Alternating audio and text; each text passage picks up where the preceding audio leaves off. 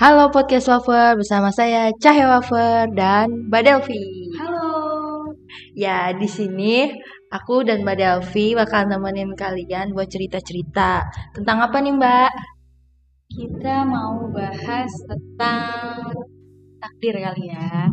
Kayaknya relate gitu sama kehidupan kita berdua nih gitu kan. Ya. Yang kayak problematikanya tuh banyak banget gitu. Banyak ya dan Nah, ada lika-likunya. nah, bener banget. Gak selalu lurus gitu. Kayak apa yang kita pengen. Iya. Menurut Mbak, cara menyikapi takdir tuh gimana buat anak muda ya? Kan kita kan pengennya apa nih? Terus malah ke sana gitu. Iya. Menurut Mbak gimana berdasarkan pengalaman Mbak? Oke, kalau aku sendiri nih yang di umur segini yang udah perjalanannya kayak lebih panjang lah dari Cahya gitu ya. Tapi nggak sepanjang orang tua kita juga sih sebenarnya gitu ya. Cuma kalau misalnya bahas takdir atau lagi ngomongin takdir, takdir tuh apa sih gitu kan? Takdir tuh kayak eh, apa ya? Sesuatu yang dikasih sama Tuhan buat kita jalanin di dunia ini gitu kan. Hmm. Nah, gimana kita tuh nyikapin takdir di usia segini terus dengan kehidupan kita yang liku-liku kayak gini itu tuh menurut aku adalah kita tuh eh, harus bisa tahu antara takdir sama keinginan dan harapan gitu karena takdir emang udah ditulis sama Tuhan harapan dan keinginan kan kita nih yang nentuin gitu tapi kalau bisa selarasin harapan sama keinginan supaya sesuai sama takdir gimana caranya Gimana tuh? Iya, karena kan biasanya nih kecewa ya kan. Nah, Ya. makanya jangan pernah menaruh harapan sama keinginan kita itu di otak kita gitu loh. Jadi intinya adalah ya udah kita terima apa yang Tuhan bakal kasih sama hidup kita. Tapi eh, selain itu juga untuk ngiklasinya tuh gimana, Mbak? Misalnya kalau nggak sesuai gitu. Iya. Nah, intinya gini, kalau misalnya kita tuh biar ikhlas atau biar nggak kecewa lah Atau atau masih susah untuk berdamai. eh, Asik. berdamai dengan keadaannya Iya. gitu ya. Gitu. Nah, intinya tuh selalu ingat kalau misalnya Tuhan bakal kasih yang terbaik buat se- seluruh hambanya gitu. Asik. Nggak mungkin lah kayak Tuhan tuh ngasih hal yang jelek buat hambanya walaupun kadang kita suka mikir gitu ya.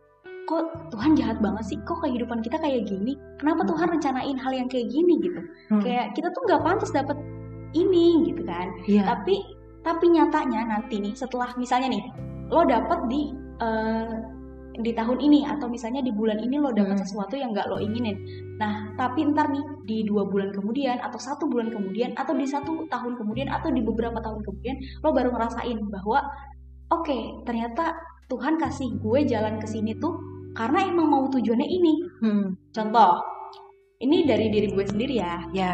eh, waktu dulu gue pengen banget kuliah di jurusan eh, arsitek nih kan. Arsitek. Tiba-tiba Tuhan ngasih gue tuh nggak ke jalur itu. Kayak gue sampai nangis-nangis kenapa gue nggak dapet di situ? Hmm. ternyata gue tuh dikasih sama Tuhan tuh ke komunikasi nih. Komunikasi. iya gitu kan. Ke komunikasi. Terus kayak gue di di sepanjang perjalanan gue kuliah kenapa gue masih di kenapa gue di komunikasi gitu kayak gak relate sama kehidupan gue kayak gini. Terus tiba-tiba di setelah gue lulus gue baru paham kenapa Tuhan ngasih gue di komunikasi ternyata emang gue tuh cinta sama kehidupan kayak gini sama gue bisa ngomong sama orang lain. Terus eh, bisa juga gue bisa tahu tentang eh, apa ya eh, psikologi dari orang lain tuh dari cara dia komunikasinya kayak gitu kan. Jadi ternyata gue suka di, di hal-hal kayak gini dan sekarang gue relate dan gue suka sama kerjaan yang gue jalanin saat ini berarti tandanya Tuhan kasih gue takdir ini karena di beberapa tahun kemudian gue akan ngerasain kebahagiaan yang Tuhan bakal kasih sama takdir gue. Ini gitu sih. Kalau Cahya nih gimana sih? Maksudnya apa sih takdir yang menurut Cahya tuh nggak relate sama diri sendiri? Tapi mungkin entahlah tahun ke, beberapa tahun kemudian baru relate gitu di kehidupannya atau mungkin dulu nih waktu SD gitu kan pernah ngerasain takdir dari Tuhan ini tiba-tiba sekarang baru ngerasain kerelatean dari takdir Tuhan Nah, kalau Cahya eh, beberapa bulan ini baru ngalamin juga. Cuman emang ini bukan kemarin bulan kemarin aja, tapi dari waktu Cahya kecil. Misal dulu Cahya pengen banget nih masuk SMA 39 dulu. Kita Wah, Jakarta ya Iya, wah itu 39 bener-bener wah kita ngelihatnya tuh favorit banget, uh keren banget gedungnya, pokoknya semuanya kayaknya perfect lah gitu. Siapa yang gak mau ke sana gitu? Dengan name yang tinggi kan, masuk sana tuh. Itu masih zamannya UN. Terus eh ternyata malah ke madrasah Mandua. Tapi di situ eh, Cahya bersyukur karena di di Mandua ini Cahya eh, lumayan banyak apa ya? Maksudnya jadi pengantar Cahya ke SNMPTN juga, terus juga anak-anaknya nggak sengambis 39 gitu kan. Kalau kita misalnya di 39 kan auto jadi orang tergoblok di situ, ya kan? Ya kan? Bayangin gitu. Kita yang lain nih udah high class banget, kita masih berlari gitu kalau di sana kan di sekolah favorit Jadi gitu lo kan. bakal ngos-ngosan gitu ya. Jadi ngos-ngosan gitu kan nggak baik buat kitanya juga mental terus ngebatin terus tiap hari pasti kan kayak gitu. Terus ada lagi kemarin bulan kemarin nih tadinya kan eh, alhamdulillah saya waktu itu di SNMPTN Untirta terus saya pikir saya bakal di situ karena jurusannya sesuai minat Cahya di seni pertunjukan. Terus waktu itu Mbak Delvi pernah bilang, Cahya, kalau misalnya nanti pilihan kamu gak jadi gimana gitu, terus kamu malah di pilihan lain gitu kan. Aku kan nggak percaya kan karena aku masih kekeh nih, masih kekeh sama pilihan aku. Em, aku jawab, ya aku masih tetap milih ini karena kayaknya udah bener-bener jalan aku di sini. Wah, sombong banget kan ya takdir Allah dilewatin. Terus habis itu eh nggak taunya. Pas kemarin malah pindah ke Gunadarma. Dan jurusannya berbeda jauh bahkan jauh dari seni pertunjukan walaupun ada seninya ya.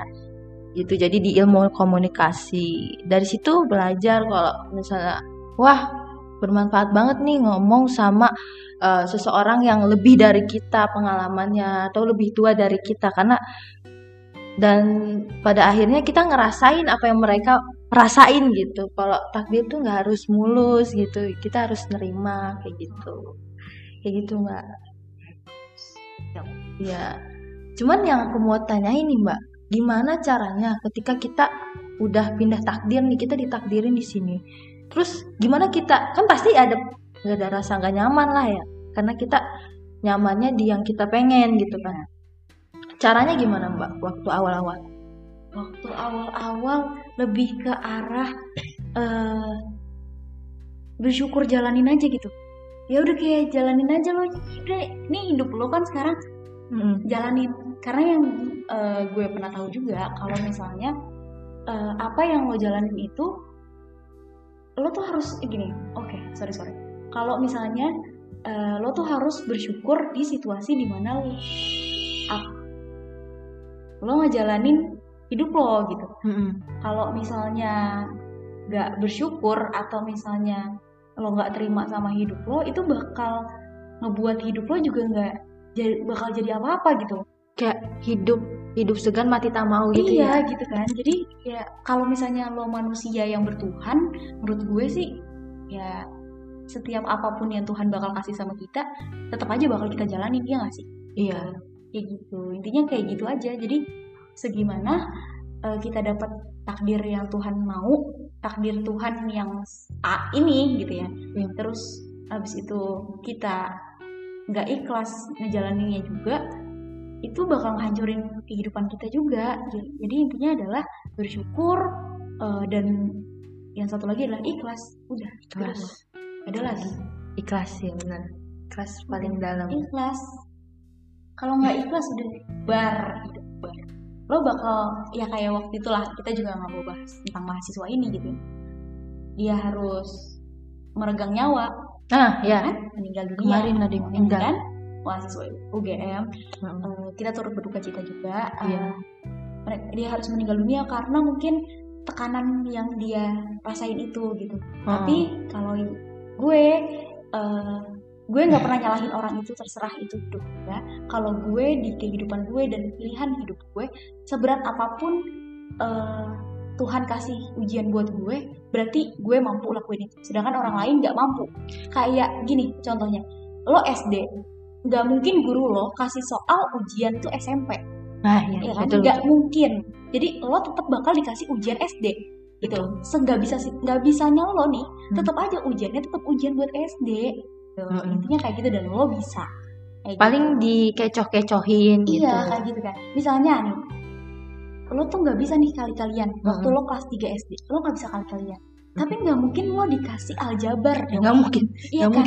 Kayak gitu loh. Udah tahu aja nggak bisa kali-kalian. Ini mau Iya. ujian aljabar. Kan nggak mungkin. Tapi ada anak SMP di mana dia emang ujiannya aljabar. Mm. Kayak gitu kan. Ya udah, jadi setiap orang itu punya masing-masing ujiannya. Tapi Gitu. ada kecuali anak kumon. Oke, iya Anak umum. ya luar ya katanya. Iya. Hmm, Langsung dia auto gitu. Oke oke. Sangat-sangat menarik ya. Em, mungkin ada lagi mbak?